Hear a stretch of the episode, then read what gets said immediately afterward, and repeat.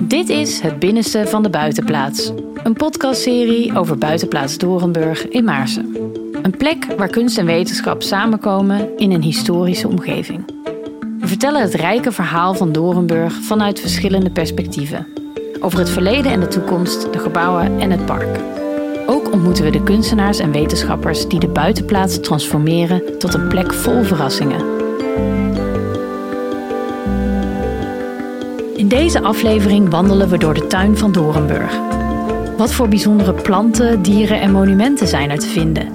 En hoe versterk je het ecosysteem?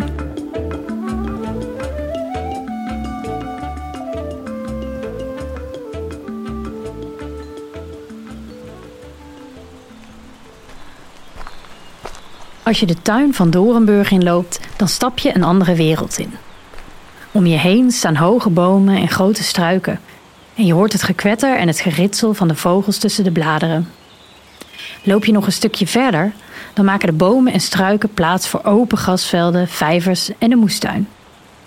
Soms heb je geluk en word je tijdens je wandeling begroet door een pluizige hond die midden op het wandelpad ligt. Dat is Boris, de hond van beheerder Marcus. En hij heeft dagelijks een hele kluif aan het onderhoud van deze grote groene oase aan de vecht. Hij gaat ons vandaag meer vertellen.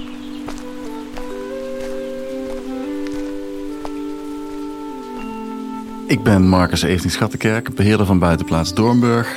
En uh, wat we hier doen is, we hebben bijna 8000 vierkante meter aan rijksmonumentale gebouwen en een kleine 10 hectare aan rijksmonumentaal park, moestuin, allerlei zaken, vijvers. En ik ben eigenlijk verantwoordelijk voor het onderhoud daarvan en om het terug te brengen naar de oorspronkelijke staat. En tegelijkertijd zorgen dat we het vandaag de dag kunnen gebruiken en kunnen benutten. En, eh, en dat het behouden blijft. En, uh, en dat is een hele leuke, mooie, ingewikkelde klus. En we doen dat eigenlijk met een hele grote club vrijwilligers en waar nodig met uh, professionals.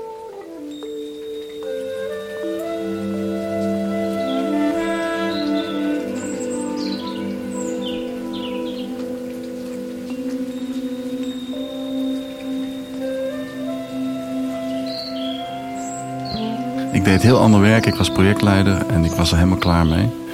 Ik zat tegen een burn-out aan. En toen heb ik een half jaar vrijgenomen. Toen vond ik een meneer die een kasteel had in Frankrijk. En daar ben ik een half jaar op gaan passen, terwijl er filmopnames waren. En in, die, in het half jaar in Frankrijk heb ik gewoon geleerd wat ik leuk vond. Oude gebouwen, oude tuinen, natuur. Maar mijn vriendin wilde niet in Frankrijk wonen. Dus die zei, je moet terug naar Nederland. En toen dacht ik, holy shit, hoe vind ik in godsnaam een dergelijke plek in Nederland? Want ik had al gezocht en het is niet zomaar beschikbaar. Toen ging ik koffie drinken met mijn oude directeur. De eerste dag dat ik terug was uit Frankrijk. En ik vertelde hem wat ik deed en wat ik zocht. En toen zei hij: Oh, wat grappig. Ik zit in een denktank die bezig zijn invulling te geven aan een buitenplaats. En de beheerder is net overleden. En de directeur schuift na jou aan. Misschien kan ik je even voorstellen. Dus toen heb ik de toenmalige directeur ontmoet, handje geschud. De volgende dag een afspraak gemaakt hier. En toen ik die afspraak had, was eigenlijk een sollicitatie. kwam ik aan in het oude hoofdhuis. En zij was nog druk in gesprek. Dus ik kreeg de melding: ga maar even een half uurtje rondwandelen op het terrein. Dan weet je ook waar het over gaat. Dus ik liep de deur van het hoofdhuis uit en ik hoorde wat boven me. Ik keek omhoog en ik zag een buizerd vliegen, echt op 15 of 20 meter. En die, die, vloog drie cirkels boven mijn hoofd en die stiet een kreet uit. En toen kreeg ik een soort kippenvel momentje. En toen dacht ik, ja, dit is, dit is gewoon oké. Ik hoor hier. Dit is een match made in heaven en dat blijkt ook tot nu toe. Dorenburg had al een tuin sinds de 17e eeuw. Maar pas twee eeuwen later kreeg die de vorm zoals we die nu nog herkennen. In de stijl van de Engelse landschapstuin. Heel hip in die tijd. Voordat die Engelse landschapstuin populair werd, maakte je vooral de sier met tuinen in Franse stijl. Met strakke lijnen en perfect gemanicuurde coniferen in allerlei vormen. De mens als heer en meester van de natuur. De Engelse tuinen waren juist het tegenovergestelde. Daarbij vond men juist inspiratie in de wilde natuur. Uit het plezier van verdwalen, verrassende doorkijkjes en grillige vormen. Dat betekent eigenlijk dat ze tuinen maakten die heel erg natuurlijk leken. Dus wat ze vaak deden was bijvoorbeeld meerdere bomen in één gat planten of bomen bewust schuin te laten gaan. Uh, paadjes zijn nooit recht, maar meanderen altijd. Je hebt heel veel inkijkjes en doorkijkjes. En het is ontworpen door eh, Jan-David Sogger junior waarschijnlijk. En uh, hij was echt een van de bekendste en, en beste voorbeelden van de landschapsarchitecten van deze stijl. Heeft ook alle grote parken voor de koning, koninklijke familie gedaan. En er zijn allerlei handtekeningen van hem terug te vinden. Dus we hebben bijvoorbeeld een aantal bomen die, die zijn met, met z'n vijven in één gat geplant. En die vormen eigenlijk één geheel. Dat noem je een, een tuil. Dat is een oud-Hollandse boeketvorm. Maar dit is dus ook een, een boomboeket eigenlijk. En die zie je overal.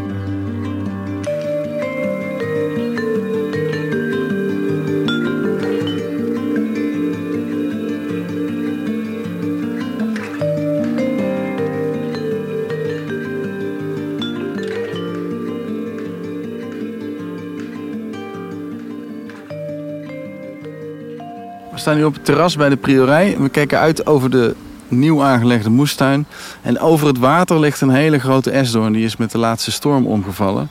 Normaliter zou je zo'n boom meteen verwijderen, maar er is al een keer of vijf nu de ijsvogel opgespot. Ideale visplaats voor hem. Dus we gaan hem nu een beetje terugsnoeien, dat hij niet te veel ruimte inneemt. Maar die boom blijft zeker liggen, want het is gewoon heel belangrijk dat die vogels hun visplekken krijgen. En dat hebben we eigenlijk op meerdere plekken op het land goed al gehad. Dat de natuur iets creëert wat we zelf niet kunnen bedenken of zouden kunnen uitvoeren. En dat het heel goed uitpakt. Um, hiervoor waren we ook gewend om alle dode bomen meteen uh, te verzagen en uh, als brandhout te gebruiken. Maar een goed bos heeft 30 tot 50 procent dood hout liggen. Dus we merken nu dat hoe meer dood hout je laat liggen, hoe meer lever er komt. Qua insecten, qua vogels, qua alles, paddenstoelen. Dus we laten eigenlijk zoveel mogelijk liggen tegenwoordig. En dat is precies wat we hier doen. We willen niet dat het een park is waarin alles aangelegd en onder controle is. We willen eigenlijk alleen maar de natuur begeleiden en ingrijpen waar nodig. En in dit geval is het gewoon niet nodig. En het werkt als een katalysator voor al het leven hier.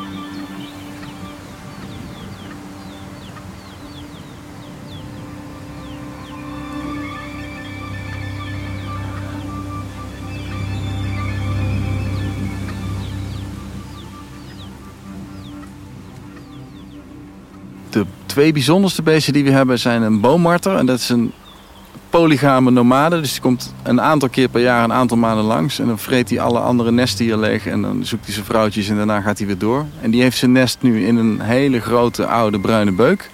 Die hol is van binnen. En elke keer als hij er is zien we dat. Want dan liggen er allerlei eierschalen en viertjes eh, bij de uitgang. En dat is een prachtig beest wat ieder jaar terugkomt. Er zijn nog 400 paardjes van in Nederland ongeveer. Dus dat hij hier zo dicht bij de Randstad zit is, is waanzinnig. En we hebben inmiddels ook een setje boomvalken. Net zo bijzonder. Die zijn fantastisch. Als het, uh, als het schemert, dan komen ze tevoorschijn. En volgens mij jagen ze ook met, uh, met geluid. Ik weet het niet zeker, maar je hoort ze heel erg veel schreeuwen dan, ook in het donker. En die vangen dus in de lucht uh, allerlei insecten op. Zijn echt, ze vliegen als straaljagers. Fantastisch.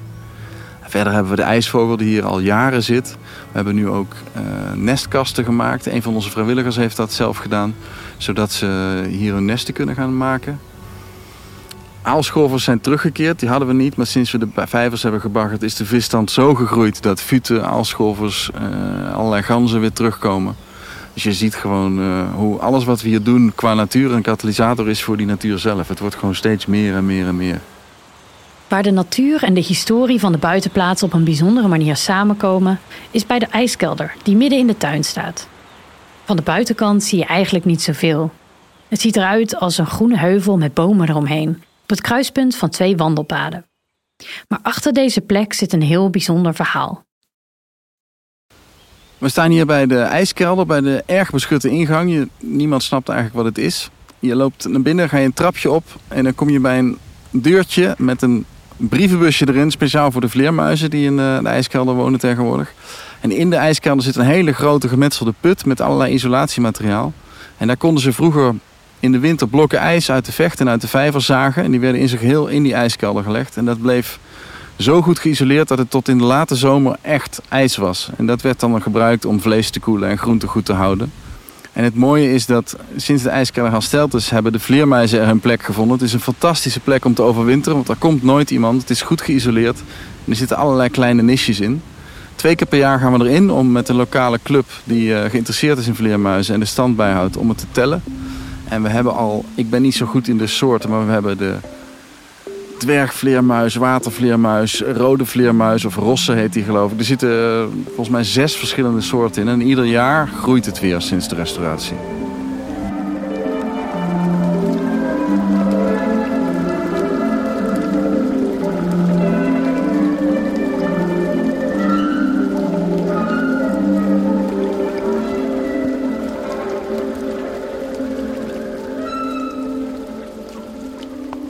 Is er volop in deze tuin. Maar de toekomst, die is minstens zo belangrijk. Marcus en het team van tuinvrijwilligers werken dagelijks hard om de natuur nog beter tot haar recht te laten komen. Want Dorenburg heeft de ambitie om een circulaire buitenplaats te worden. Maar wat houdt dat in? Doornburg is best wel een gesloten systeem. Um, bijvoorbeeld hebben op de dijk hier staan eikenbomen. Daar zitten ieder jaar processierupsen in. Wij hebben ook heel veel eikenbomen. Daar zitten nooit processierupsen in. En dat komt onder andere omdat we heel veel meziekasten hebben geplant. Maar ook omdat er gewoon enorme diversiteit is hier. Dus het systeem houdt zichzelf in stand. En daarom zijn we ook heel bang om zomaar dingen toe te voegen. Want het kan meteen een soort van disbalans creëren. Bijvoorbeeld in de vijver, ehm, die hebben we vijf jaar geleden gebaggerd. Dat was een enorme klus. Daardoor zijn heel veel vissen teruggekomen. Er komt steeds meer leven weer.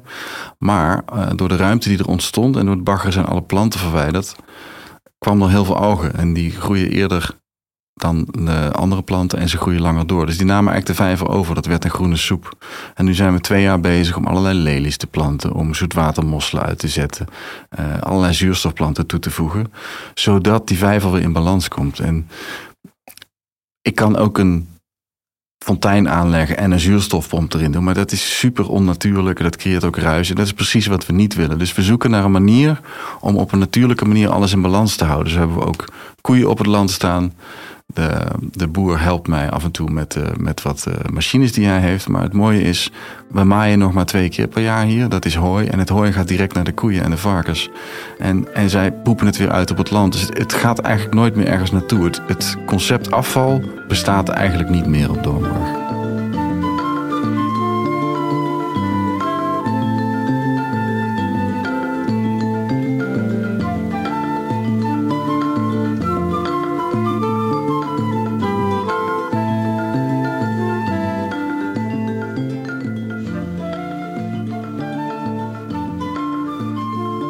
Het werk van de vrijwilligers wordt erg gewaardeerd. En niet alleen door collega's van de buitenplaats zelf. Het team won al eens de lokale vrijwilligersprijs. En ook wonnen ze voor de opknapbeurt van het park de Bronzen Troffel. De prijs voor de beste restauratie van het jaar in de gemeente Stichtse Vecht. De, de, buitenplaats is een jaar of 60 of 70 in de handen geweest van de katholieke zusterorde. En deze zusters hebben het gebouw gemaakt op de groei, maar in de jaren 60 nam dat af. Dus er kwamen steeds minder mensen hier. Uiteindelijk waren er nog drie zusters over. En een jaar of vijftien geleden is een, een clubje opgericht die ging maaien en rooien en snoeien en al dat soort dingen doen. En toen het uh, landgoed werd aangekocht door de huidige eigenaar, zijn zij meegegaan. Onder voorwaarde dat zij per uur betaald kregen en dat geld wordt jaarlijks opgepot en iedere keer geschonken aan een ander lokaal goed doel. Nu is de moestuin erbij gekomen. Ze werken inmiddels met een man of dertig. Heel veel in de moestuin, ook in het park. En die komen hier eigenlijk allemaal omdat het zo leuk en zo fijn is. En iedereen die op Doornburg komt, die vindt hier zijn plekje, iets te doen, dat ik ook niet elke dag precies hoef te zeggen welke handeling ze hoeft te verrichten. Ze vinden allemaal een projectje waar ze verantwoordelijkheid voor nemen. Of dat nou de bijenkasten zijn, of de bloemenperken, of de vijver, of de moestuin. Iedereen, uh, iedereen vindt zijn draai hier en je ziet mensen ook helemaal opbloeien. En dat is prachtig om te zien. Niet alleen de natuur heeft baat bij de circulaire aanpak. Ook het restaurant van Dorenburg profiteert ervan. Gasten eten er kruiden en groenten die op de buitenplaats zijn geoogst. Daarvoor is een grote moestuin aangelegd. Jessie Westgeest is de moestuinmaestro van Dorenburg. Maar dat was aanvankelijk niet haar plan. We vragen ernaar als we haar spreken in de moestuin.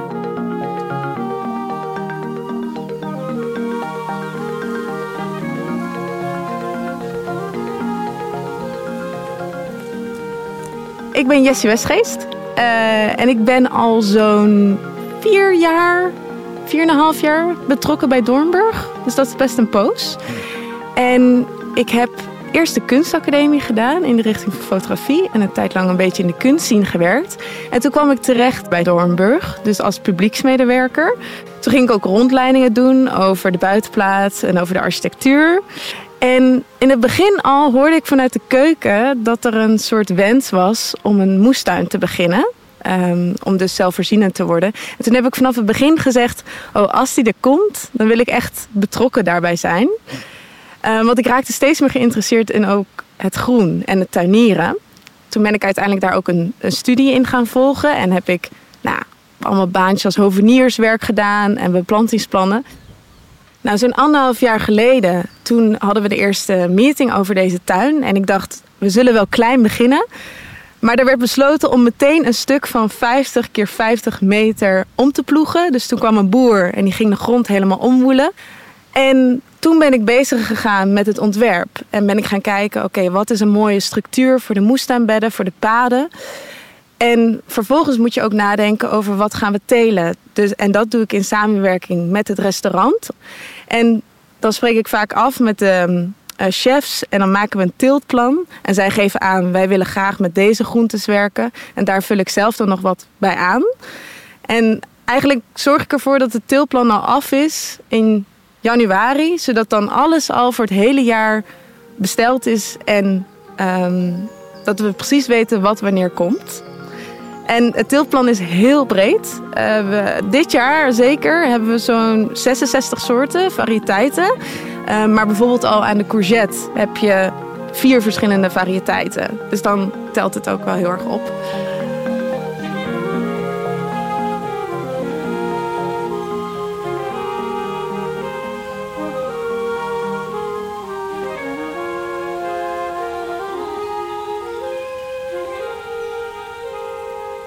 toen ik ging ontwerpen voor deze moestuin, toen zat ik wel ja, heel erg te kijken van ik wil aan de ene kant is het productie voor het restaurant. Aan de andere kant vind ik het ook belangrijk dat het een esthetische tuin is. En dat het ook een tuin is die mooi is en die fijn is om in te werken en in te zijn.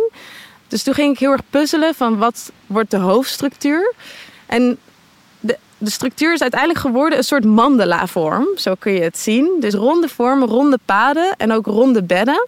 En ook werken we natuurlijk met wisselteelt. En daarin moet je ook een soort van structuur aanbrengen. Dus elk gewas komt volgend jaar ergens anders te staan. En dat gaat eigenlijk met die ronde vorm mee, als een soort klok.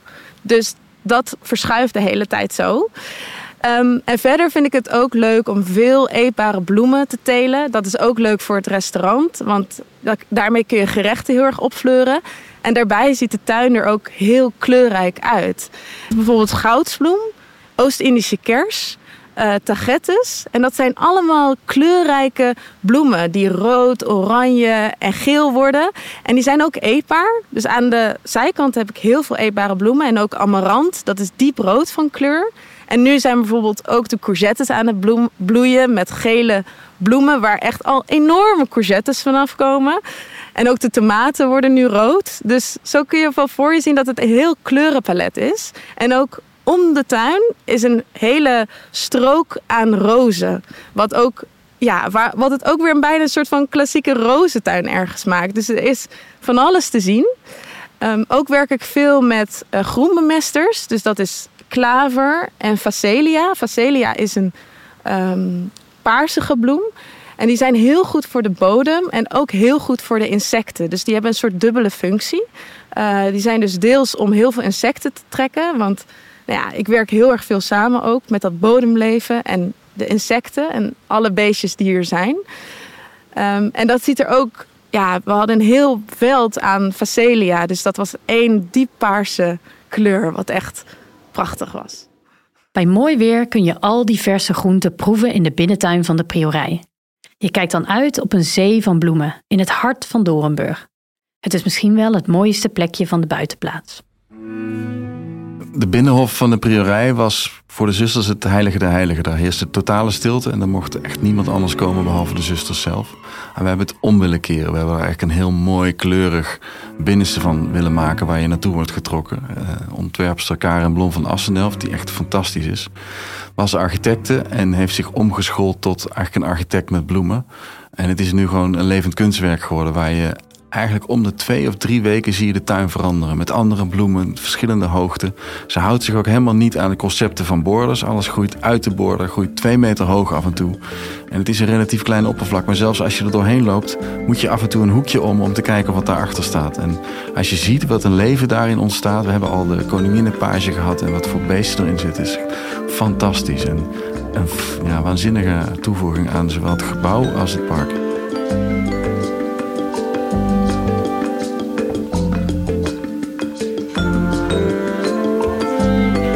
Was aflevering 5 van Het Binnenste van de Buitenplaats. Een podcastserie over Buitenplaats Dorenburg in Maarsen. Mijn naam is Michelle Gulix, redacteur en verteller. Vic Willems verzorgt de audioproductie. De soundtrack is gemaakt door muzikanten Felbum en Stef Veldhuis, die deze stukken schreven tijdens een residentie in de Priorij. Deze podcastserie wordt mede mogelijk gemaakt door Stimuleringsfonds Creatieve Industrie, Stichting Karel Ningeman Fonds, Provincie Utrecht en Cultuurfonds Stichten Vecht. Mocht je in de tussentijd de buitenplaats willen bezoeken, ga dan naar www.buitenplaatsdorenburg.nl voor meer informatie. Bedankt voor het luisteren en tot de volgende keer.